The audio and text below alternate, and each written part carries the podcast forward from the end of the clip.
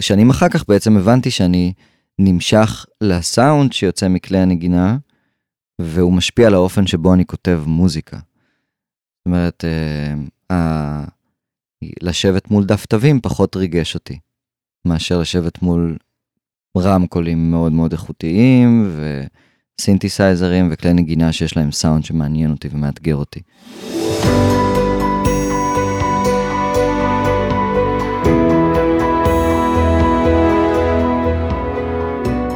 להצליח במוזיקה, פודקאסט אופטימי על קריירה במוזיקה, על שיווק למוזיקאים ועל איך לקחת את החלומות שלכם ולהפוך אותם ליום-יום שלכם.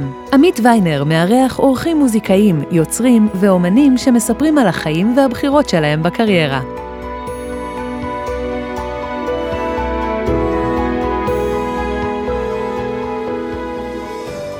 מתחילים. ולפני שנתחיל, אני רק רוצה להזכיר לכל המאזינות והמאזינים שגם היום נמשיך במסורת, שבסוף הפרק, ממש בשניות האחרונות, אחרי מוזיקת הסיום, יש את הטיפ האישי הסודי ממני. שלום לכל המאזינות והמאזינים, איזה כיף שאתם פה איתנו, ברוכים הבאים לעוד פרק של הפודקאסט להצליח במוזיקה. נמצא פה איתנו יחזקאל רז, וואו, יחזקאל, מה העניינים? בסדר גמור, תודה. איזה כיף שבאת פה להקליט. ממש כיף. יחזקאל, בוא נתחיל בלשמוע את הקטע שהלתרת פה אצלי בסטודיו, לפני שהתחלנו להקליט.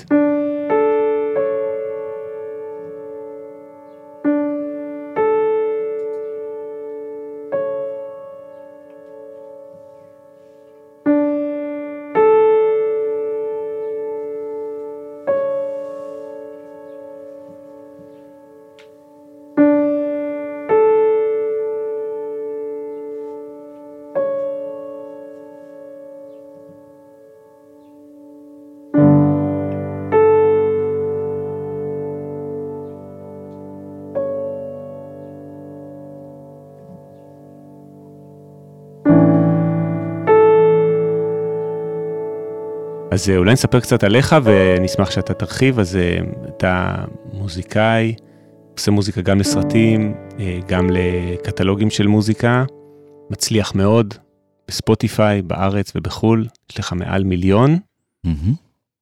מנת'לי, mm-hmm. לחודש, יאללה. כן. מאזינים חודשיים. כן. טוב, איך הגעת לאן שהגעת היום? תספר קצת. נתחיל מהסוף או מההתחלה?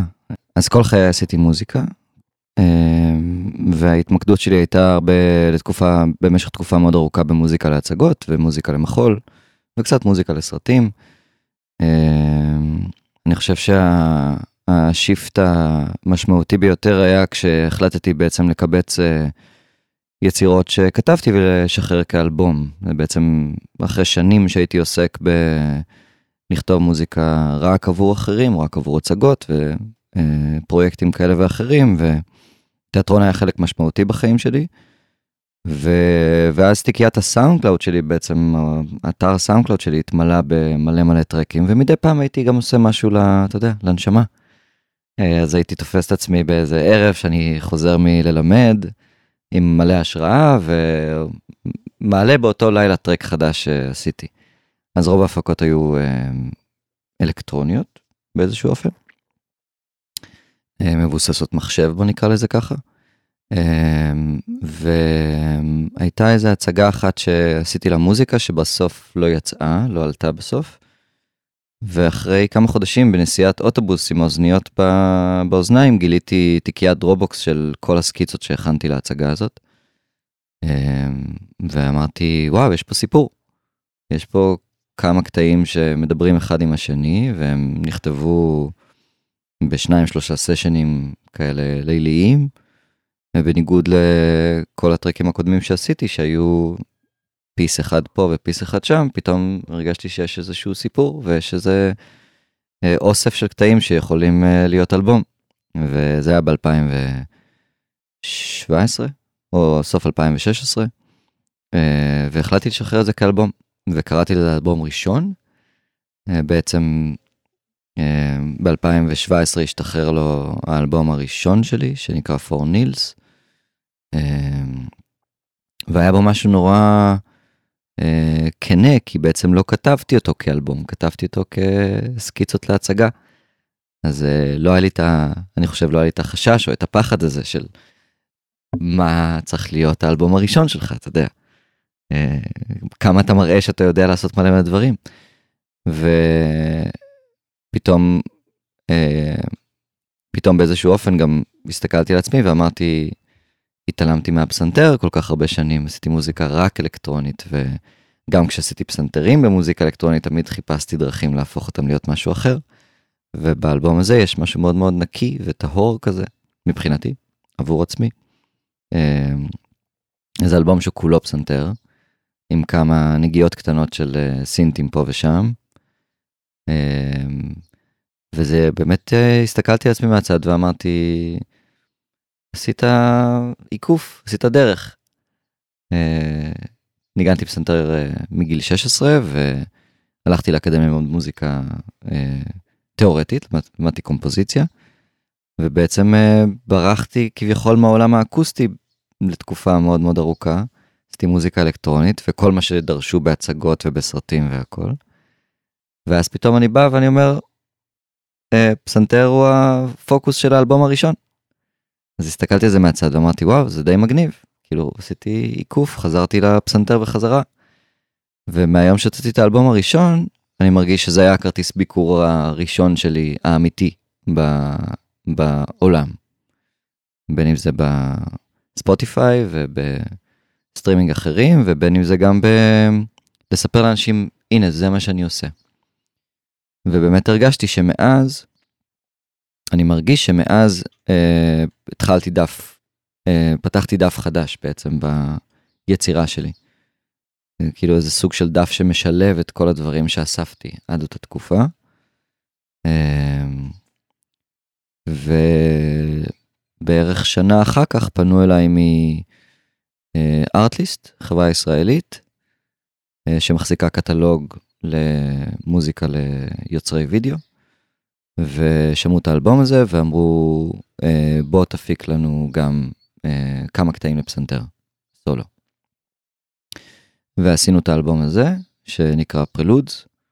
אה, הקלטנו בשני סשנים בחנות פסנתרים באיבי גבירול בתל אביב. הקלטנו uh, כל מיני uh, רעיונות, uh, כל מיני אלתורים וקטעים קטנים. בסוף יצא אלבום כפול של 20 קטעים, אה, שעלה לארטליסט בתור האלבום הראשון, באלבום הראשון שלי שם, אה, אלבום כפול, ו... ומהיום שעולה לארטליסט בסביבות uh, אמצע 2019 או סוף 2019. Uh, uh, ראינו שהרבה יוצרי וידאו משתמשים בקטעים האלה לסרטים הקצרים שלהם, לפרסומות שלהם וכו' וכו' וכו' וכו'. ואז גם הספוטיפיי התחיל לעלות בהתאם. אמ, ומאז בעצם אני יוצר מוזיקה, אני מתמקד בעיקר ביצירת מוזיקה אה, משל עצמי. עוד לפני זה עשיתי קצת הפקות לאחרים. אה, כמובן הרבה הופעות מול טרות או עם אלקטרוניקה או בלי אלקטרוניקה. אמ, אבל אלה שתי הנקודות שבאמת הפסנתר חזר לחיים שלי. באופן משמעותי. אה, גם האלבום ראשון לפסנתר וגם אז שני האלבומים האלה. ומאז אני פשוט עושה מוזיקה. אני מתמקד ב... בלהגדיר את עצמי כמלחין, ולא בשלל ההגדרות שנהגתי להגדיר את עצמי עד אז. אה, שזה היה אמן סאונד ופרודוסר ו... וכו' וכו' וכו' וכו', ומפיק לאחרים, ומפיק לעצמי, ויוצר מוזיקה לתיאטרון, ויוצר מוזיקה למחול, היו הרבה הגדרות. ואיפשהו בסביבות uh, תחילת 2020, ההגדרות האלה הצטמצמו לכדי יחזקאל רז מלחין. יס. Yes. כן. אז אני מאמין uh, היום בראייה לאחור ש... Uh, שההתמקדות, הפוקוס הזה, לקרוא לעצמך ב... שם אחד או הגדרה אחת, אה, דווקא תרם לי, במקום להיות פרוס על פני המון הגדרות. מעניין. כן. אתה גם למד ב-BPM, נכון? עוד מעט נגיע גם לזה, במכללת mm-hmm. BPM. אמ, אולי נקפוץ רגע לשם ואז נחזור אחר כך גם באמת לכל הסיפור של הקריירה. אז אנחנו מכירים בערך איזה חצי שנה ומפ"ש בפעם הראשונה כשדיברנו אמרתי לך שאני מעריץ אותך עוד לפני שבכלל נפגשנו. נכון שראיתי טוטוריאל שלך ב-BPM על, על, על סאונד ועל כל מיני שימושים מאוד מעניינים בסאונד. אז תספר רגע על העניין הזה של ה... אפשר להגיד המשיכה שלך לסאונד או ההתלהבות שלך מהנושא הזה של הסאונד. אתה פסנתרן קלאסי במקור נכון? כן. ועדיין נגן מוזיקה קלאסית או שכבר כן. לא? ממש כן. קלאסית, מוצרט. כן. ומאיפה הגיע לך העניין הזה של ההתלהבות מסאונד? כלומר, הרי בעצם אם חושבים על זה ב... במוזיקה הקלאסית, בוא נגיד עד המאה ה-19, לא היה כזה חשוב הסאונד, בהתחלה בכלל לא היה חשוב. נגיד אצל באך אתה יכול למצוא יצירות כמו אמנות הפוגה שבכלל לא חשוב לו לכתוב לאיזה כלים זה, זה פשוט יצירה אבסטרקטית, מופשטת, לארבעה קולות, שאתה יכול לנגן בארבע חליליות, ברביעיית מיתרים וזה, ורק בוא נגיד במאה ה-19 התחילו בעולם הזה של המוזיקה הקלאסית אמ, להתעסק בתזמור ובסאונד, אז אה, תספר מאיפה זה הגיע אליך. אמ, כשלמדתי קומפוזיציה באוניברסיטת תל אביב, זה היה בשנת 99, אה, אה, קיבלנו כחלק מהמסלול שיעורים במה שקראו אז לא זוכר איך קראו לזה בדיוק, קראו לזה... אה,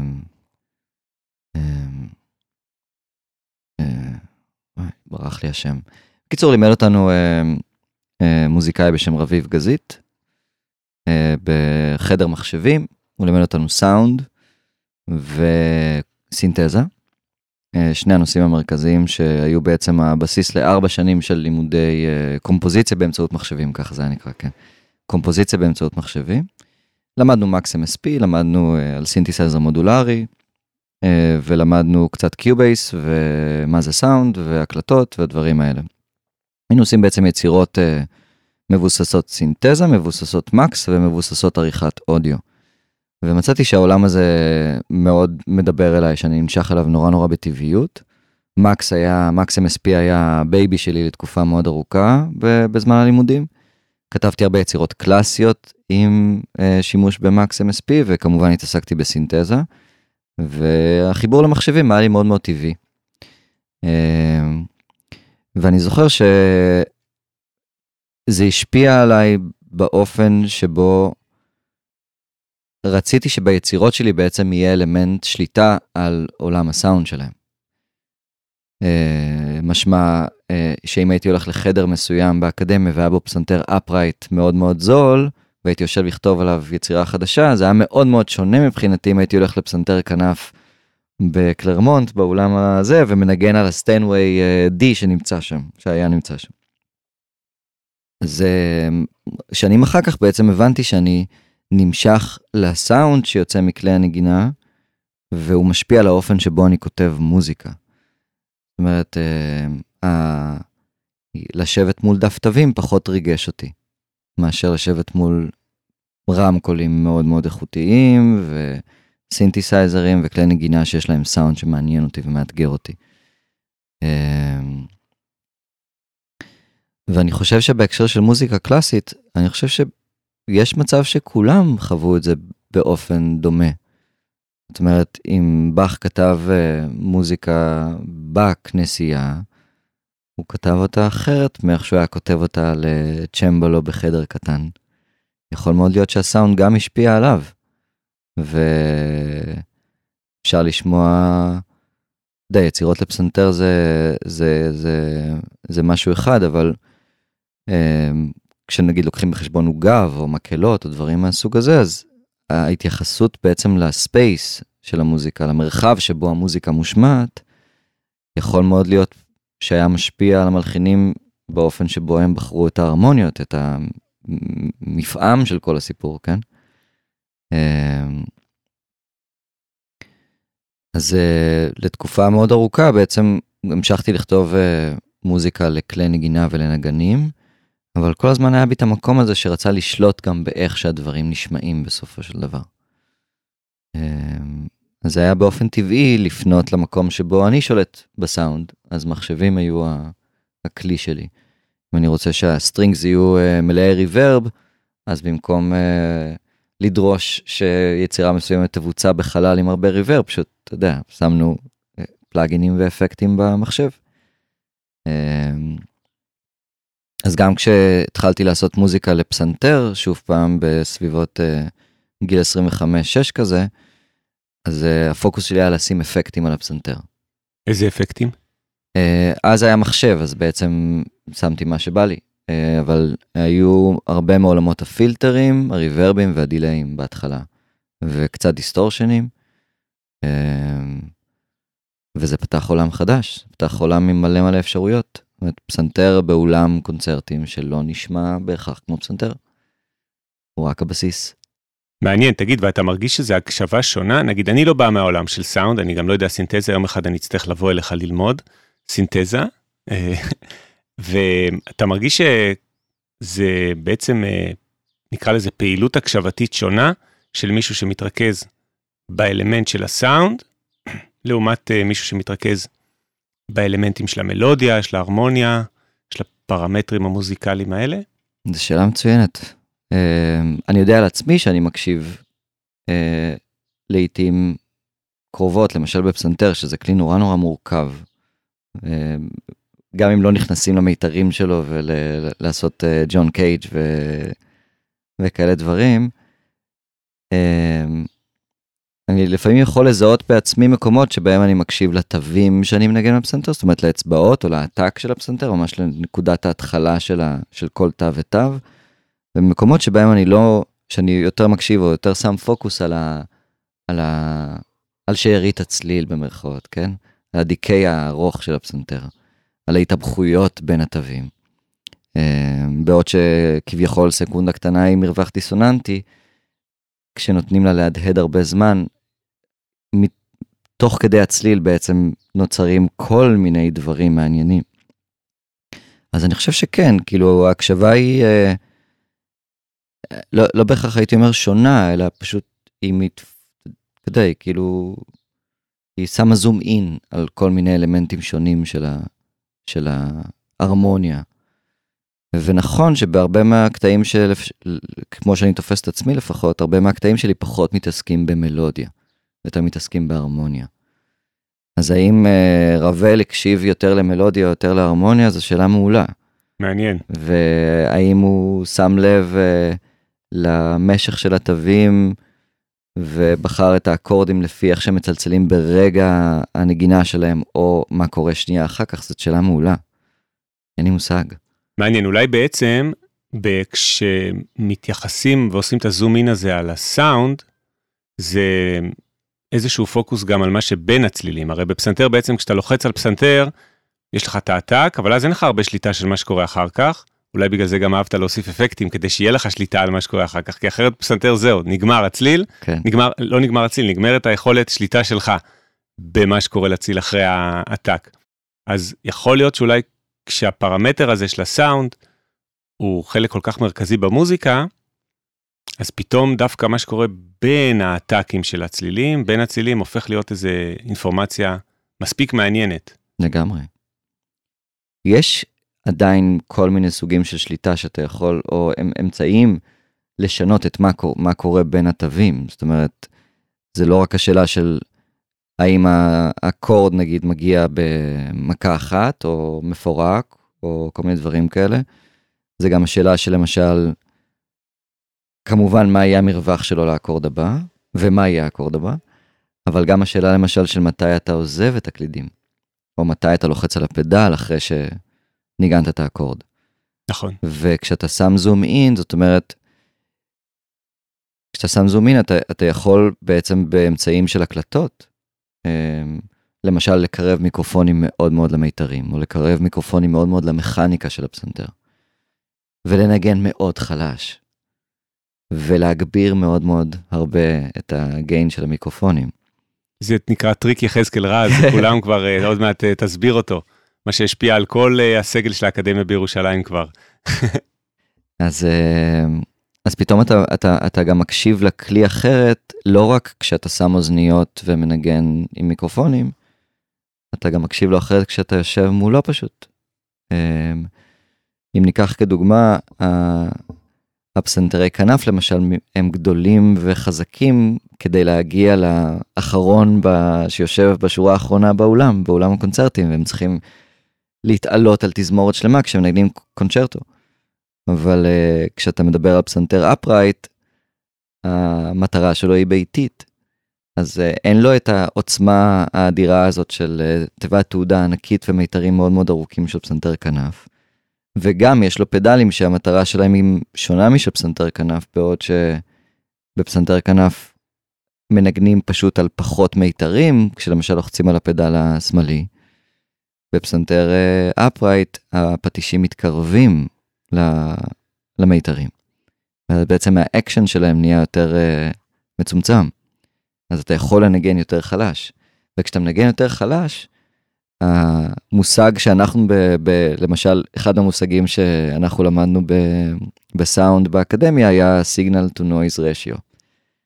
ודיברנו על זה שבשנות ה-70, 80, 90, המטרה כל הזמן הייתה להתרחק מרצפת הרעש, זאת אומרת שהסיגנל יהיה חזק ביחס לרעש, כדי לקבל סיגנל יותר בריא ושלא ייכנס היס להקלטה ושהציוד האנלוגי לא יהיה כל כך נוכח בתוך הסאונד הסופי. אז המטרה במרכאות הייתה כל הזמן להגדיל את הרשיו שבין הסיגנל לרעש.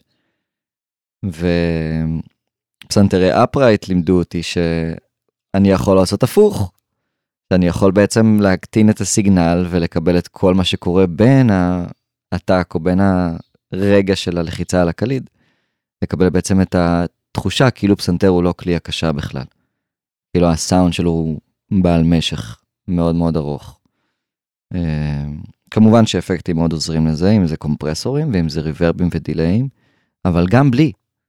וזו הייתה משימה מאוד מעניינת להתחיל לבחון ולבדוק מה קורה כשמנגנים בכוונה עם הפסנתר מעומעם, או עם הלבד שהפדל האמצעי שם, במטרה אגב, שהשכנים לא ישמעו אותך. כן.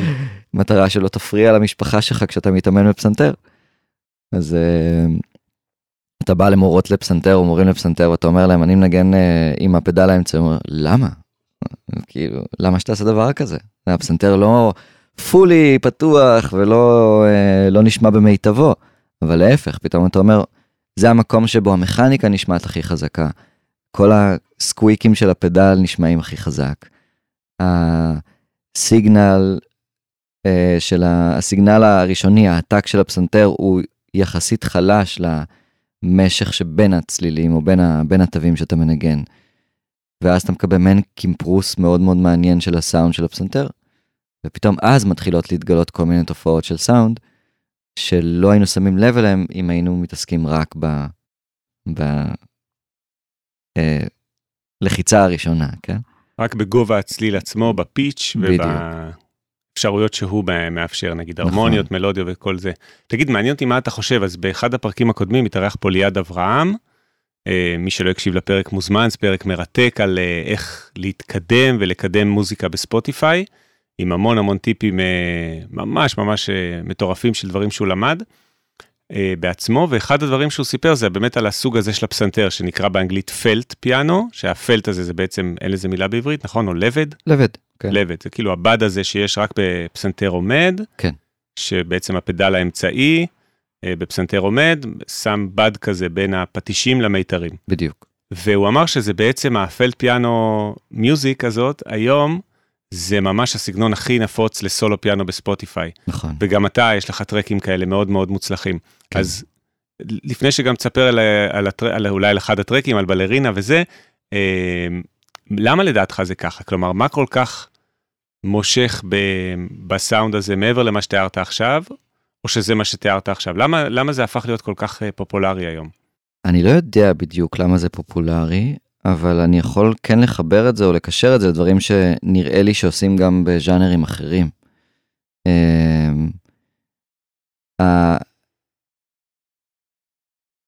יכול מאוד להיות שהעובדה שהרבה אנשים מקשיבים למוזיקה באוזניות יותר מאשר בעבר, והסאונד של האוזניות נהיה יותר ויותר איכותי. אה, ואנשים יכולים להרגיש יותר ויותר קרוב למוזיקה שנוצרה.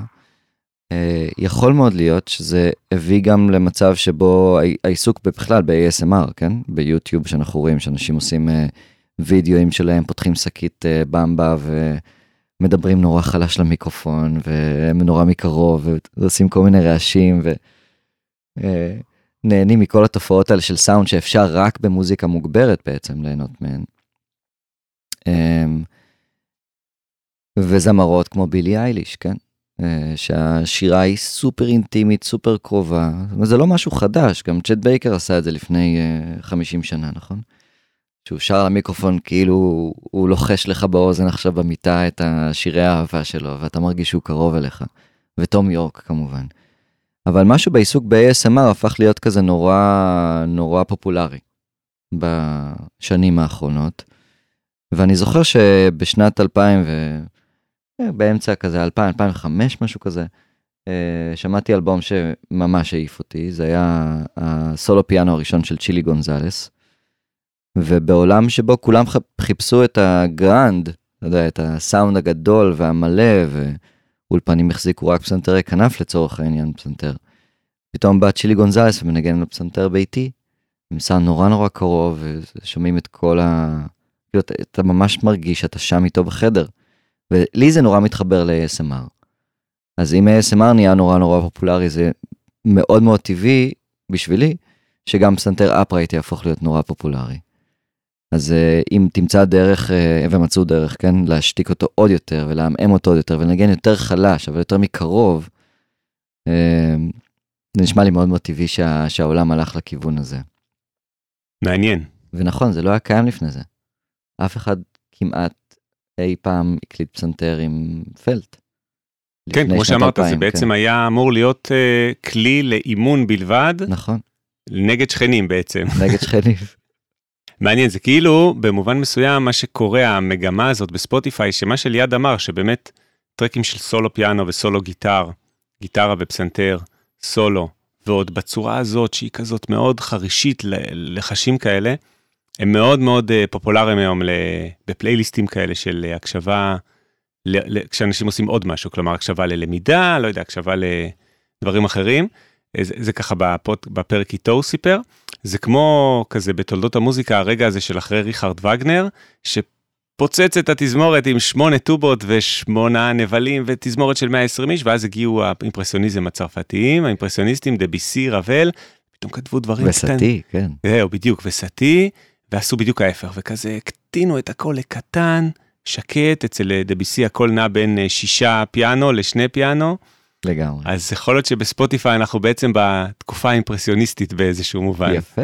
של אה, התרחקות מהבומבסטיות הגדולה הזאת. כן. במיוחד בגלל, זה, זה בהקשר למה שליעד אמר, שהרבה מהפלייליסטים הכי מצליחים בספוטיפיי הם כאלה, הם מוד פלייליסט. כלומר, בזמן שאנשים עושים משהו אחר, יכול להיות שאתה ואני לא מקשיבים ככה למוזיקה. אני אמרתי לו שאני לא מקשיב למוזיקה בזמן שאני לומד או קורא, אני לא יכול. אבל הרבה אנשים כן. אבל נראה לי כן. שהרוב, כן. גם כותבים לי אנשים. האלבום שלך ליווה אותי בכל הכתיבת אה, עבודת דוקטורט שלי, או בתקופות כאלה, כן. מדהים.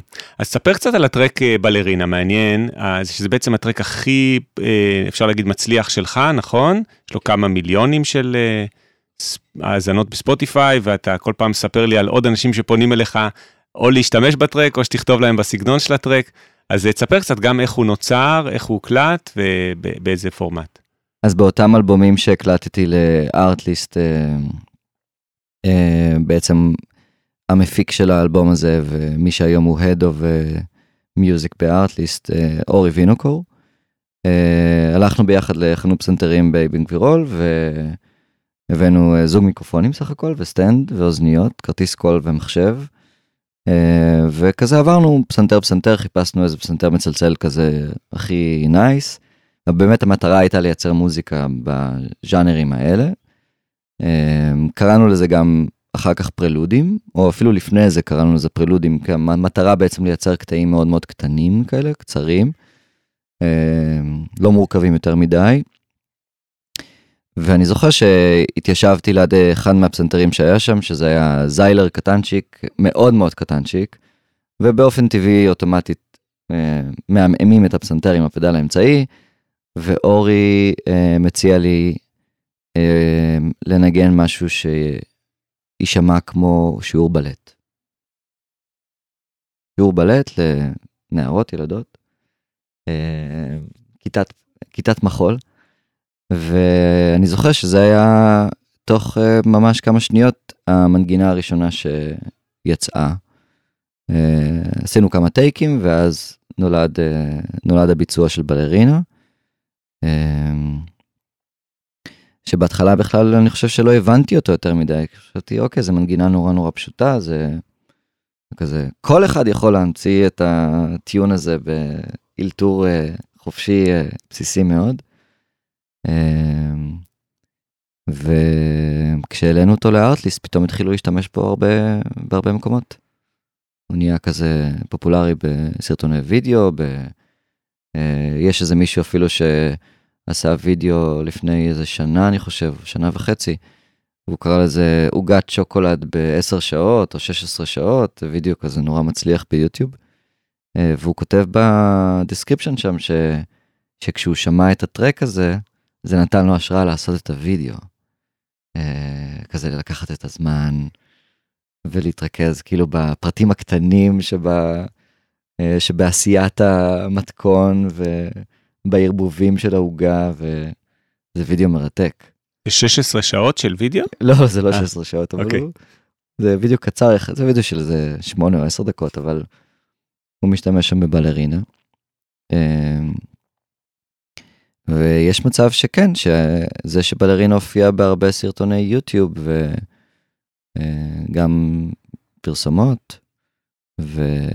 ועוד כל מיני מקומות מוזרים ומעניינים מאוד, אה, הביא אנשים לחפש אותו בספוטיפיי, כן?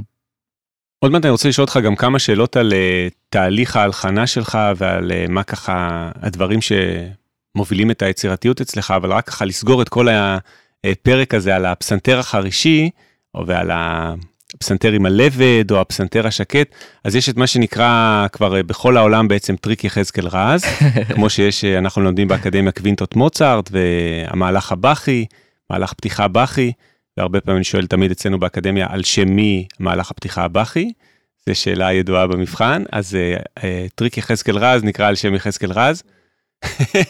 אז אה, תספר שנייה מה בעצם הדבר הזה שאתה אוהב לעשות, אה, כזה לקחת באמת את ה... זה בפסנתר מסומפל, נכון? זה לא בפסנתר אקוסטי, אז תסביר רגע מה הטריק, אני בטוח שהרבה מהמאזינות והמאזינים ירצו לנסות את זה אחר כך. מעולה. אז אז עוד לפני שניסיתי בכלל את האלמנטים האלה עם מיקרופונים ועם פסנתרים חרשיים בבית, אה, פשוט הייתי מחפש את הסאונד החלש ביותר שבו הקליטו את הפסנתר המסומפל או כל דגימה אחרת.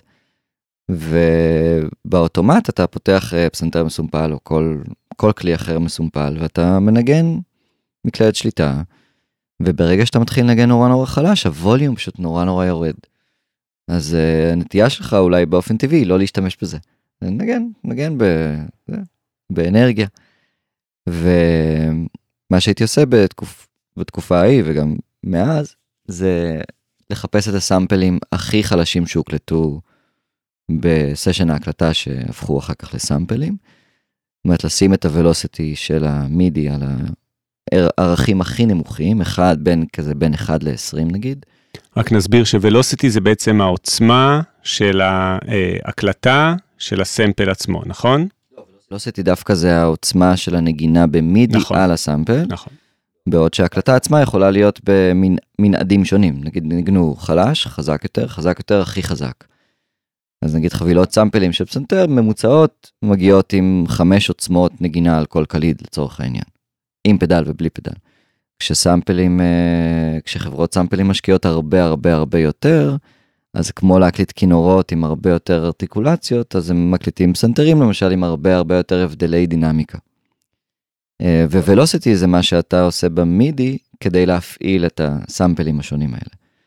אז עוצמת התווים שאתה מנגן בוולוסיטי, אם תיקח אותה לערכים החלשים ביותר, תגלה בעצם את הסאמפלים שהוקלטו הכי חלש. ואז אה, לפעמים כשמנגנים נורא חלש במקלדת שליטה, פשוט מקבלים volume גם נורא חלש. זה כזה overlooked כזה. אז אה, לנגן ב velocity מאוד מאוד חלש, ואז להביא extra gain, להגביר ממש את המיקסר של הערוץ, או את ה volume של ה instrument ב Kontakt, או whatever, להרים כזה ב-24 dB, ולהיזהר באותו רגע לא לנגן חזק מדי, ואז פתאום מתגלה, מתגלות, מתגלים הסאמפלים המאוד מאוד חלשים של ההקלטה שעשו ב, ב, עבור הסאמפלים. אמ, ויש איזה יופי, יש איזה יופי ממש, זה כאילו את ממש, אתה מנגן נורא נורא חלש ומרכין כזה את הראש ואת האוזן לכיוון המיתרים ושומע את הסאונד הכי חלש שהצלחת להפיק מהפסנתר. אמ, וכמובן שכשעושים את זה ב... עם הפסנתר האישי שלך, או עם כלי הנגינה האישי שלך, עם הווקל שלך, זה איכויות אחרות לגמרי, אבל גם, ב, גם בסאמפלים זה עובד מאוד מאוד יפה. איך עם הווקל בעצם אתה יכול לעשות את זה עם, עם שירה?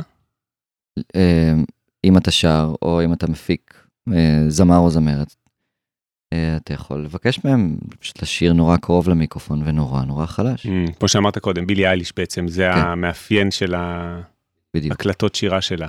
כן. שמע, מרתק, אז... אינטימיות. איך, איך? אינטימיות. אינטימיות.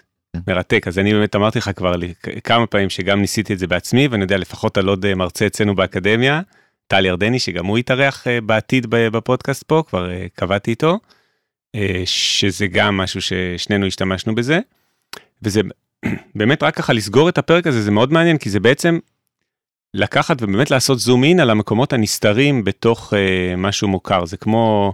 מדמיין אותך כמו איזה ארכיאולוג כזה שחוקר את הסמפלים האלה, לקחת איזה סאונד ב Kontakt או סאונד שחברה כבר סימפלה אותו, ואתה אומר כולם משתמשים ב velocity הרגיל, מנגנים פסנתר, וה velocity הוא בדרך כלל יהיה בין אה, 60 ל-100, כמו בפסנתר אמיתי, אה, הוולוסיטי המשמעות שלו במקרה הזה, זה בעצם לתת לנו דינמיקה טבעית של נגינה. ואתה אומר הפוך, אני לא רוצה דינמיקה טבעית של נגינה, אני אעשה שכל הנגינה תהיה בוולוסיטי אחד, נכון? שזה משהו שבעצם לא יכול לקרות לפסנתרן אמיתי. אה, הוא לא יכול להצליח לנגן את זה בוולוסיטי אחד אה, מוזיקה שלמה. אחד זה כלומר הכי הכי שקט, אבל זה כמו איזה ארכיאולוג כזה שמגלה פה נסתרות בין, קצת בהמשך למה שבסגנון מה שאמרנו קודם, שכשבעצם מתעסקים בסאונד, מגלים גם את מה שקורה בין הצלילים, נכון? כמו לא רק את הקו המ, המלודי, המנגינה שהיא בעצם הצליל שהולך לצליל, מין קו המשכי, אלא ברגע שאתה עושה פוקוס על מה שקורה בין הצילים, אולי גם בגלל זה אמרת שהרבה פעמים אצלך בטרקים יש פחות מחשבה על המלודיה עצמה, כי אולי כשאתה מתרכז פתאום בזכות מגדלת במה שקורה בין הצלילים, אז פחות אה, מעניין ופחות הפוקוס הוא על הקו הארוך של המנגינה. אז זה נראה לי, זה מאוד מאוד אה, המשך של מה שתיארת קודם, על ההסתכלות הזאת, על מקומות אה, נשכחים בתוך ה, הסאונד המוזיקלי וגם ה, בכלל התחביר המוזיקלי. כן, אני מאוד אוהב את ההגדרה הזאת, המרווח שבין התווים, כי אנחנו גם מסתכלים על מוזיקה, לפחות כשאני מלמד אה, מוזיקאים מתחילים, אז אני שואל אותם, מה זה מוזיקה? אה, או ממה מור- מורכבת יצירה שיש לה סאונד בסופו של דבר, כאילו טרק למשל, כן, או שיר. והתשובות הן נורא נורא מגוונות, ואני לא רוצה להגדיר מה זה מוזיקה, כי אז אה, כמו מורי אה, אמנון וולמן, אה, אנחנו נצטרך להגדיר מה זה לא מוזיקה. אז זה שתי בחירות שאני לא רוצה לעשות באומנות שנקראת אומנות מוזיקה, אבל בכל זאת אם היינו מנסים להגדיר ברמה הטכנית, מוזיקה היא תווים וצלילים. אה, התווים מפעילים צלילים, או. התווים מפעילים נגן שמייצר אה, פעולות מכניות שכלי הנגינה מייצר והופך לצלילים.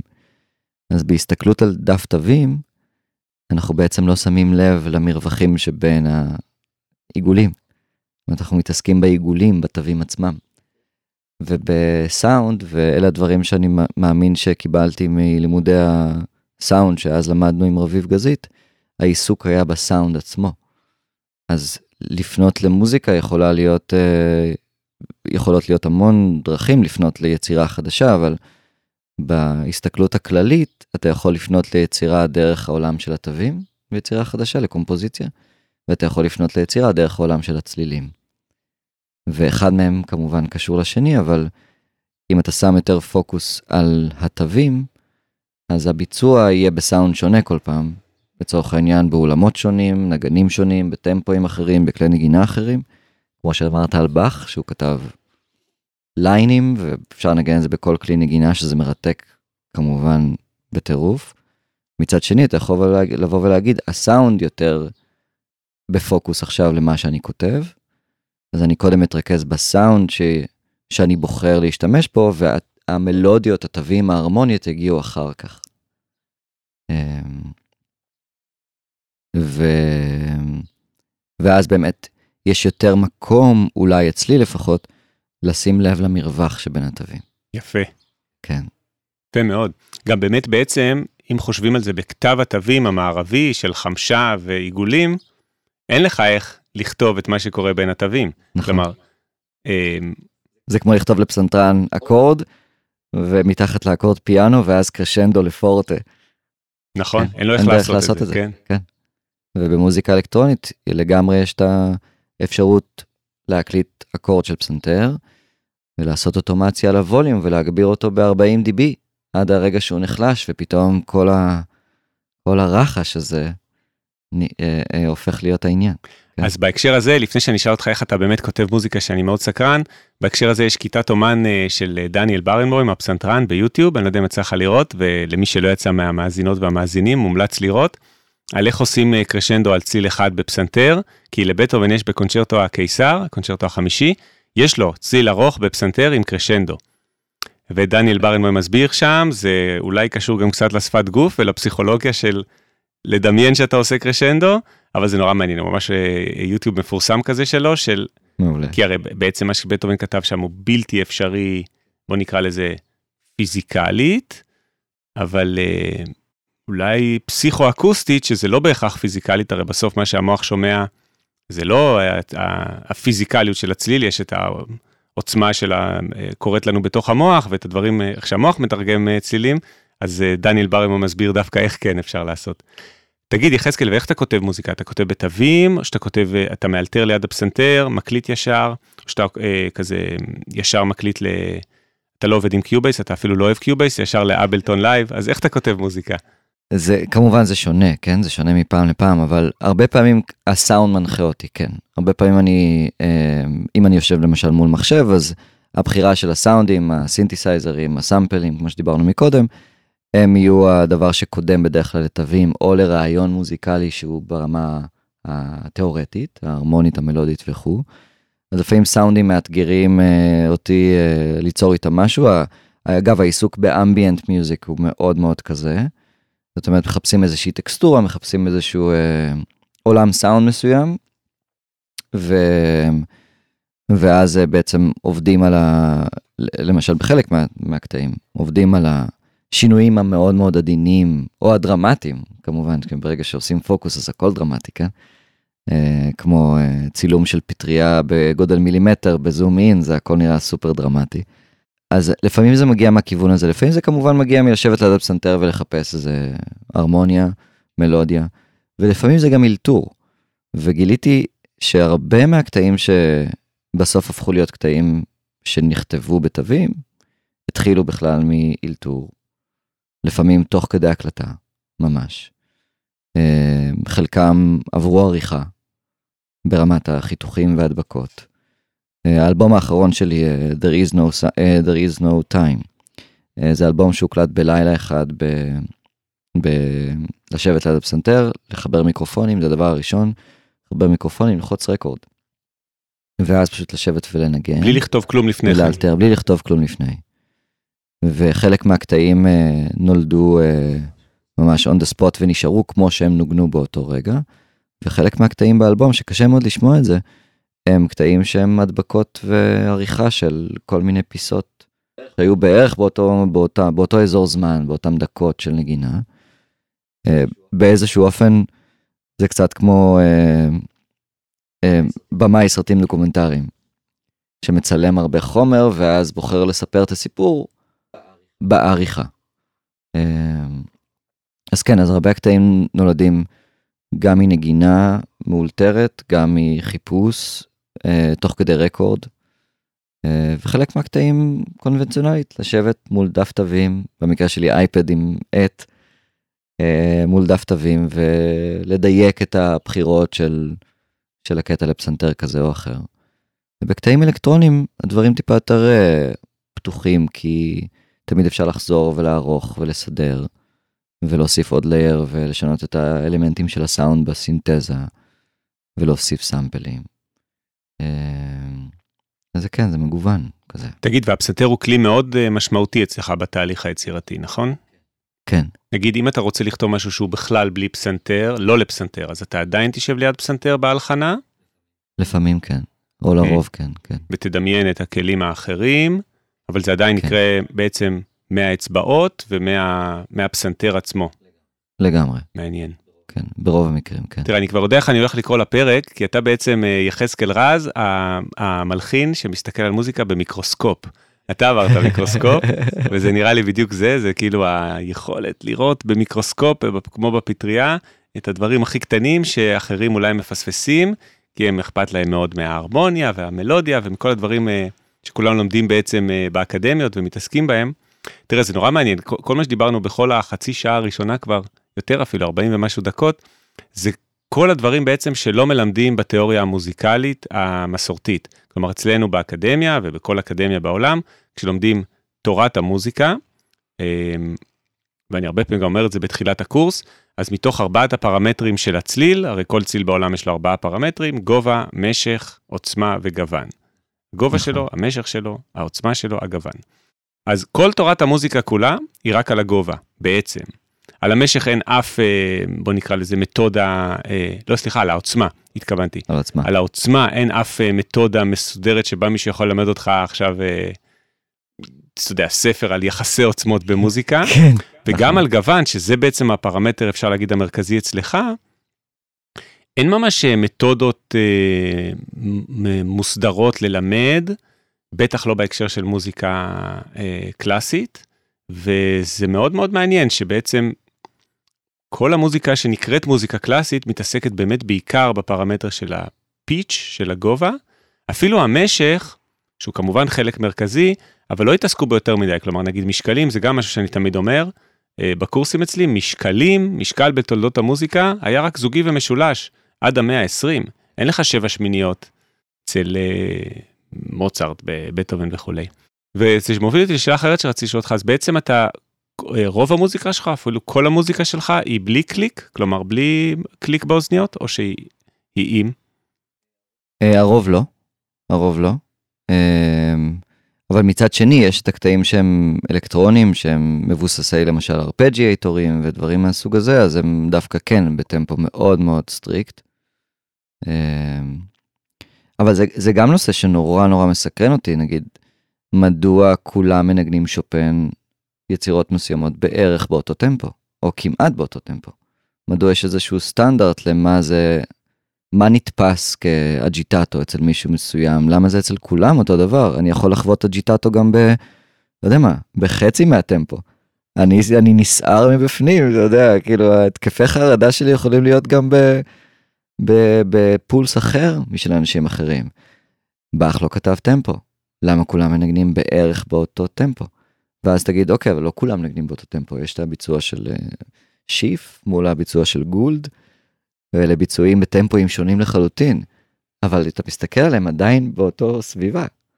הם נשמעים אחרת כמובן, אבל למה שלא נגן את זה פי עשר יותר לאט? הרי באך לא כתב את הטמפו. אתה יודע. אז זה, זה מעסיק אותי מאוד, כן. שזה משהו שעשית, הרי עשית לאחרונה עיבוד או כתיבה מחדש של המונלייט סונטה של בטהובן, נכון? אז מה בעצם קרה שם?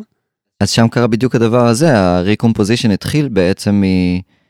אמ, כמו שאמרת, אמ, להקשיב למרווח שבין התווים, זאת אומרת להקשיב לצלילים שהתווים מייצרים, וזה התחיל מלנגן בבית את הפרק הראשון של המולייט סונטה של בטהובן בטמפו שהוא בערך עשירית מהטמפו שרוב האנשים מנגנים, או שאנחנו למדנו לנגן. עשירית זה פי עשר יותר לאט? כן. וואו. כן, פי עשר יותר לאט.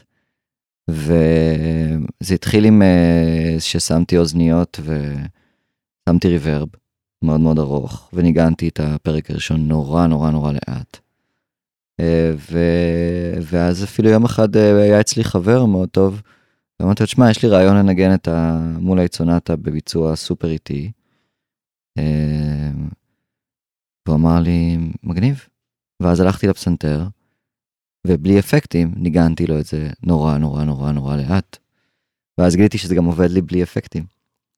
וזה באמת, זה משרת את הרעיון של הקשבה, גם כשאני לא ממלא את החלל הזה בסופר מלא מלא ריברב. וכו'.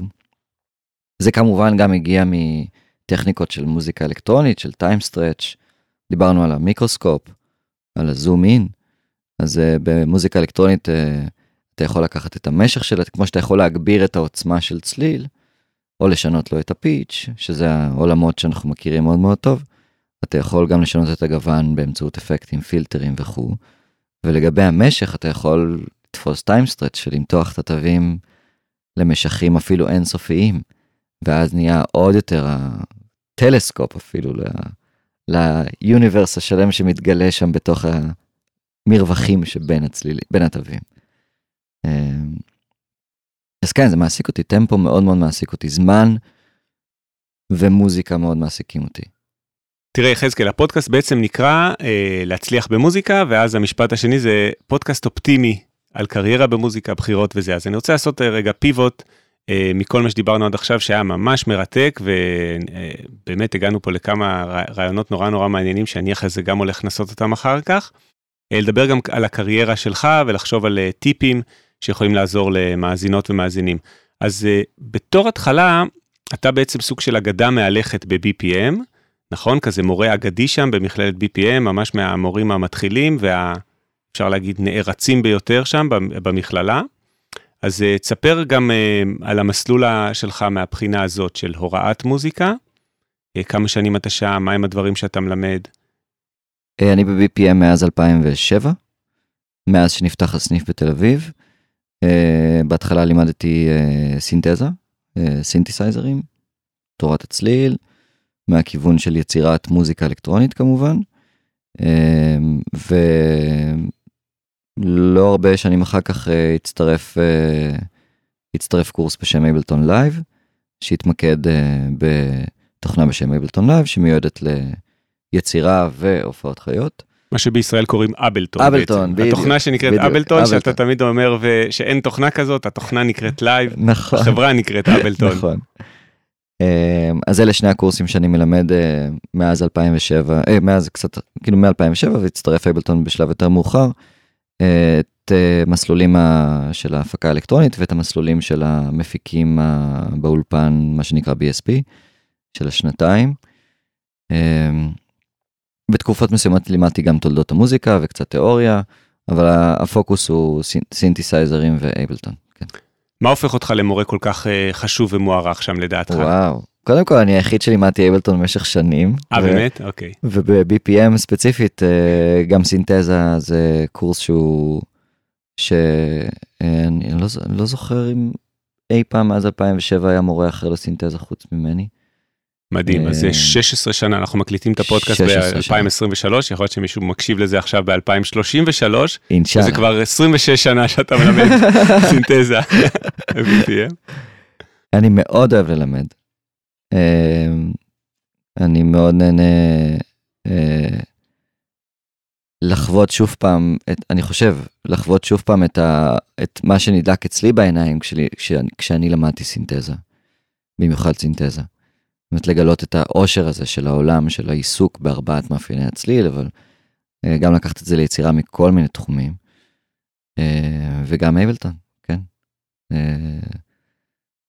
אה, אפשר להגיד אפילו שליחות כזה באיזשהו אופן, כן? זה מעין רצון להראות איזה כיף זה לעשות מוזיקה, איזה מגוון זה לעשות מוזיקה. מה ספציפית בתוכנה הזאת ב Ableton Live כל כך אה, מגניב אותך וכל כך אתה אוהב ואתה פחות אוהב את ה-DAWs, את התוכנות המקבילות, Cubase, Logic וכולי. למה, למה ספציפית Ableton Live? המשיכה הראשונה שלי ל Ableton, שהיא עדיין המשיכה המרכזית, זה הפשטות. זה הפשטות ש... שכדי לייצר רעיון מוזיקלי אתה לא חייב לעבוד ב timeline למשל, אתה לא חייב לה... להגדיר שאלמנט מסוים ייכנס בתיבה 32. והוא ימשיך עד שתגיד לו, זאת אומרת, רק כל עוד תשכפל אותו על ה timeline. זאת אומרת, העבודה למשל אה, ברוב התוכנות היא אה, נאמנה לאיך שטייפים הקליטו, נכון? זאת אומרת, אה, שכדי לי, שחומר מוזיקלי יהיה קיים, אתה חייב להציב אותו על timeline מסוים. וב Ableton, מהיום הראשון בעצם שינו את הגישה ואמרו, חומר מוזיקלי יתנגן בלופ למשל, כל עוד תבחר שהוא ינגן. אז לאלמנט האלתור והנגינה יש אה, ערך עליון ב Ableton. זאת אומרת, היכולת לשנות תוכניות בזמן אמת ולהחליט שעכשיו אתה רוצה שאלמנט מסוים ייכנס, או שקיק ייכנס ולא יפסיק לעולם עד שלא תגיד לו. אה, אז זה אלתור ופשטות, ולהרגיש באמת שאתה יושב מול תוכנה שהיא כלי נגינה, יותר מהכל. יפה. אה, והאלמנט האחרון, או הנוסף, זה העובדה שאבלטון חושבת כמו כלי מודולרי לחלוטין. זאת אומרת, אה, אה, האפשרות לבנות בפלאגינים, האפשרות לא להיות מוגבל בסדר הפלאגינים או בראוטינגס מאוד מאוד משוכללים. אומרת, הגישה היא נורא מודולרית. אז אף אחד לא מחליט שככה צריך לעשות משהו, אלא אתה יכול כל פעם לגלות מחדש על דרכים יצירתיות לעשות אפילו את אותו דבר שרצית לעשות פעם קודמת. זה ממש פותח את הראש. מרתק. תגיד, וממש מהרגע הראשון שהתחלנו לדבר, שנינו, אה, קלטתי שאתה בעצם אה, מוזיקאי שמצד אחד אה, מאוד מאוד כזה חי בעולמות הרוחניים, כמו ש... כל מה שדיברנו עד עכשיו, של השראה וזה, מצד שני אתה גם מאוד מבין בביזנס של אה, מיוזיק, אה, בכל מה שקשור לתמלוגים, אה, ולצד הכספי והביזנס, אה, צד שהרבה פעמים מוזיקאים אה, או לא מבינים בו, או מחליטים כזה שזה פחות מה שהם רוצים להתעסק בו. אז ואתה פוגש המון מוזיקאים צעירים במכללת BPM, ותן איזה כמה טיפים ככה מהניסיון שלך, של מה כן לעשות ומה לא לעשות, ב, בוא נגיד, בתחילתה של קריירה מוזיקלית ובכלל כדי לגדול בקריירה מוזיקלית. אני מאמין גדול, קודם כל, שבמוזיקה יש המון אפשרויות. זאת אומרת, אתה יכול לעשות אמ, מנעד מאוד מאוד רחב של אמ, עבודות במוזיקה, בוא נקרא לזה ככה. אתה יכול להיות סאמן, אתה יכול להיות uh, מפיק, אתה יכול להיות uh, יוצר, אתה יכול להיות משרת כזה ואחר של uh, מוזיקאים אחרים, או של אולפנים, או של חברות הגברה וכו' וכו' וכו'. ואני באיזשהו אופן מנסה אה, כל הזמן דווקא למקד את הבחירות שלי. זאת אומרת, אה, אם אני מתעסק בלהיות אה, אה, מלחין, שזה מה שאני מתעסק בלהיות, אני מגלה שככל שאני עושה את זה יותר בנאמנות, יותר בדבקות, אז ככה השם שלי מתמקד בדבר הזה, ואז אנשים פונים אליי לדברים שאני רוצה לעשות. אה, אז אני חושב שה... שכן, אני ממליץ לתלמידים שלי לעשות הכל מהכל, וללכת uh, אחרי uh, אפשרויות חדשות, כי אז הם מכירים אנשים חדשים ופוגשים כל מיני תעשיות כאלה ואחרות.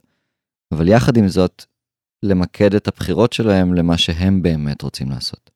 זאת אומרת, אם אתה רוצה להפיק טרקים בסגנון טכנו, לך על זה. תתמקד בזה, תעשה את זה, ממש עד הסוף. יפה. אה, כלומר להתפזר במובן מסוים אבל כן שגם יהיה פה איזה משפך של אה, התכנסות לתוך מה שאתה באמת אה, טוב בו ורוצה לעשות. לגמרי, זאת אומרת מעל הכל תעשו את מה שאתם מאמינים שאתם רוצים לעשות. זה מאוד rewarding. לפעמים זה וזה לוקח זמן, לוקח זמן. אבל זה הסיפוק בזה הוא נורא גדול. מה לא לעשות? אני לא חושב שיש משהו שלא לעשות. מדהים. אה, כן, ממש. כאילו, למה, כאילו, לא, אין משהו שלא לעשות. אין טעויות שאתה מרגיש שעשית בקריירה המוזיקלית שהיום היית חושב לעשות אחרת. לא, להפך. ואם היו, אז הם, הם בנו אותי, זאת אומרת, הם עזרו לי להתכוונן יותר לבחירות שאני עושה היום. ואני גם מסתכל על זה בתור היום, אני לא, אני לא יודע מה הבחירות שאני אעשה מחר, אבל uh, מה ש...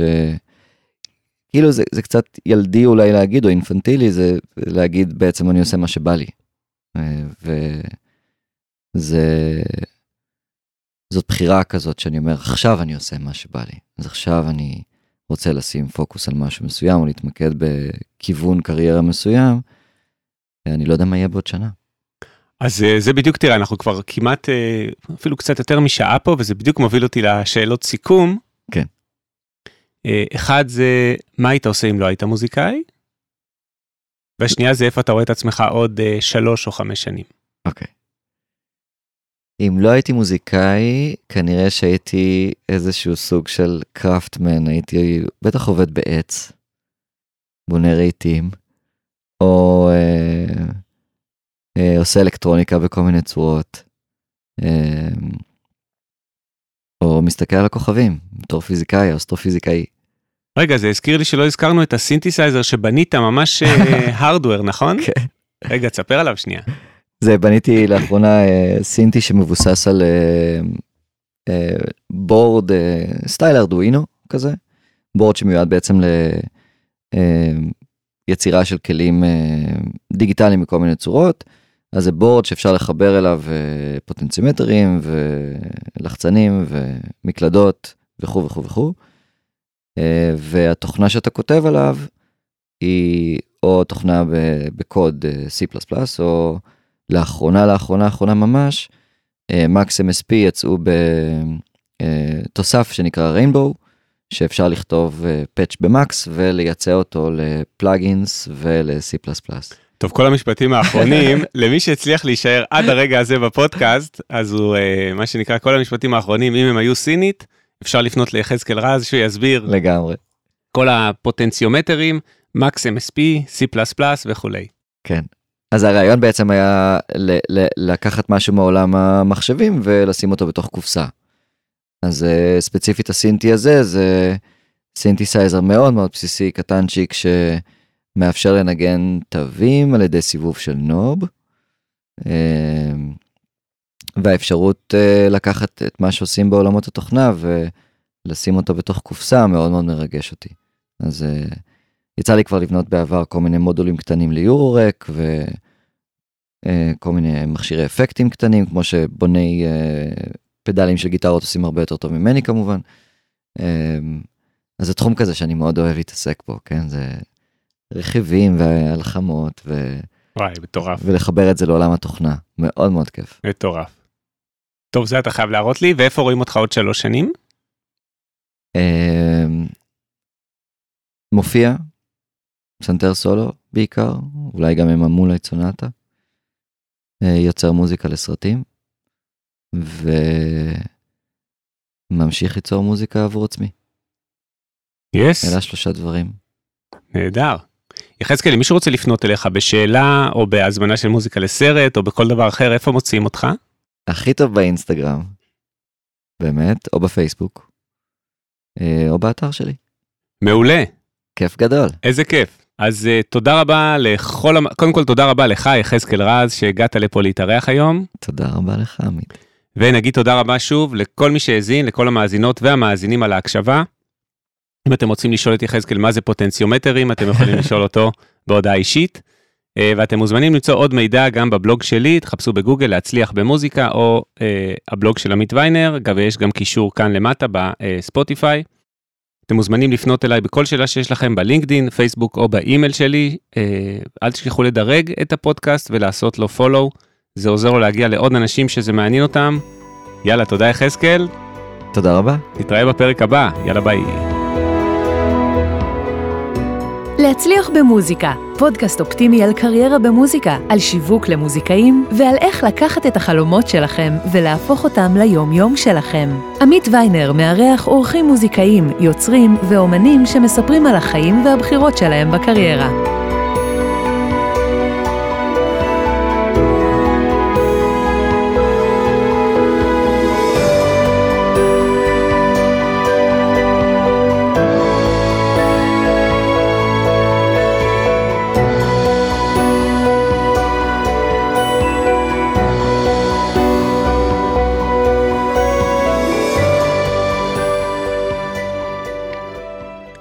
אז תודה לכל מי שנשאר ממש עד הרגע הזה לטיפ האישי הסודי ממני. והפעם אני רוצה לדבר איתכם על להיות רב גוניים ורב תחומיים בעשייה שלכם. אז אה, תראו, עולם המוזיקה משתנה כל הזמן, ואפשר להגיד שהוא גם השתנה ב-20 שנה האחרונות. נגיד שאני פעיל בו כבר כ-20 ומשהו שנה, ופעם, אני עוד זוכר את זה, גם כשאני הייתי אה, עוד אה, יותר צעיר ואפילו סטודנט בעצמי, פעם הייתה מין תחושה שהפעילות שלך בתוך עולם המוזיקה יכולה להיות מאוד מאוד אה, צרה. כלומר, היית יכול להיות נגיד רק נגן בס, גיטרה בס, או רק נגן פסנתר, וזהו. זה מספיק בשביל לקיים קריירה פעילה וארוכת שנים. והאמת היא שהיום זה כבר לא ככה, ואני רואה את זה גם על עצמי, ואני רואה את זה על כל החברים שלי מהתחום ומהתעשייה, ובעצם אני רואה את זה, ואני חושב שגם אתם מסוגלים כבר לראות ולשמוע את זה על כל המרואיינים, האורחים בפודקאסט הזה, שבעצם כולם עושים כמה דברים אה, בתוך עולם המוזיקה. ואני מדמיין את זה ללא לשים את כל הביצים שלכם בסל אחד, או לפי הביטוי המוכר, או אם תרצו, שלא תהיה לכם רק ביצה אחת בתוך הסל הזה. אה, מצחיק כמה שזה נשמע. אה, ודוגמה שאני אוהב לתת זה שאפילו משקיעים בתחום ההשקעות, משקיע כמו וורן באפט, אה, מפזר את ההשקעות שלו, הוא לא ישים את כל הכסף שלו על חברה אחת, כמו אפל או מייקרוסופט, טובה ככל שתהיה. וככה אני מאמין גם שקריירה מוזיקלית בעצם צריכה להיראות. ואיך אתם יכולים לקחת מזה טיפים פרקטיים ממש ליום-יום שלכם? אם אתם זמר או זמרת, או אם אתם מנגנים פסנתר, או אם אתם מפיקים על ה Cubase או על Ableton Live וכולי, תוסיפו עוד כלים לארגז הכלים שלכם. זה יעזור לכם גם למצוא עבודות בתחום המוזיקה, זה יפתח לכם עוד דלתות שיכולות אחרת להיות סגורות עבורכם, וגם אני חושב אה, שאתם תהיו אה, יותר פתוחים לשינויים שקורים בתעשיית המוזיקה ובכלל בעולם בכל רגע נתון. אה, כל רגע יכול לצוץ איזה פלאגין חדש שמחליף אה, את המיקסרים בימינו, שיכול לעשות מיקס. כבר היום יש את אוזון למשל, של iZotope, mixing assistant, שלא כולם עדיין משתמשים בו כמובן, אבל יכול להיות שבעתיד יהיה משהו שכמעט כבר ישתמשו בו. כמו שיש AI Generated Music, יכול להיות גם AI Mixing plugin שעושה כבר עבודה כמעט כמו mixer אנושי וכולי וכולי. אז תחשבו על זה שככל שארגז הכלים שאתם מציעים בעצם לעולם המוזיקה הוא גדול יותר, ככה יש לכם יותר סיכוי, אני חושב, להצליח במוזיקה. זו תובנה שלקח לי אה, הרבה זמן להבין אותה בעצמי. אני חושב שלפני 20 שנה, 25 שנה, אם הייתם רב גוניים או רב תחומיים בעשייה שלכם, אז היו מסתכלים עליכם דווקא באור שלילי, בצורה כזאת של אתם מתפזרים מדי, למה אין לכם פוקוס. והרבה פעמים אני אה, מדבר עם אנשים אה, שמתייעצים איתי ואומרים לי, אני מפוזר מדי וזה, ואני לא יודע בדיוק מה אני רוצה לעשות, ואני אומר ל, ל, לאנשים בדרך כלל, דווקא זה היתרון שלך. אה, ובמקום להגדיר את זה כמפוזר, תגדיר את זה כרב גוני רב פעלים ומסוגל לתת הרבה ערך בתחומים שונים בתוך עולם המוזיקה. אני כן ממליץ לא להתפזר למיליון תחומים שונים מעבר. לעולם המוזיקה, זה כבר עניין אישי, אני אה, עושה רק בתוך עולם המוזיקה את כל מה שאני עושה, אבל מי שאוהב גם לעשות משהו בתחומים אחרים, יכול להיות שזה עוד יותר אפילו מעשיר אותו, אה, זה כבר משהו שאני לא יכול ממש לתת עליו טיפ, אבל רק לסכם את הטיפ הזה, בניגוד לפעם שחשבו שמישהו שהוא עושה כמה דברים ויש לו כמה כובעים, הוא מפוזר, אני חושב שדווקא היום ההבנה בכל העולם היא שדווקא כשיש לכם כמה כובעים, יש לזה יותר ערך ויש לכם יותר אפשרויות והזדמנויות להצליח במה שאתם עושים. תודה רבה לכולכם על ההאזנה ונתראה בפרק הבא.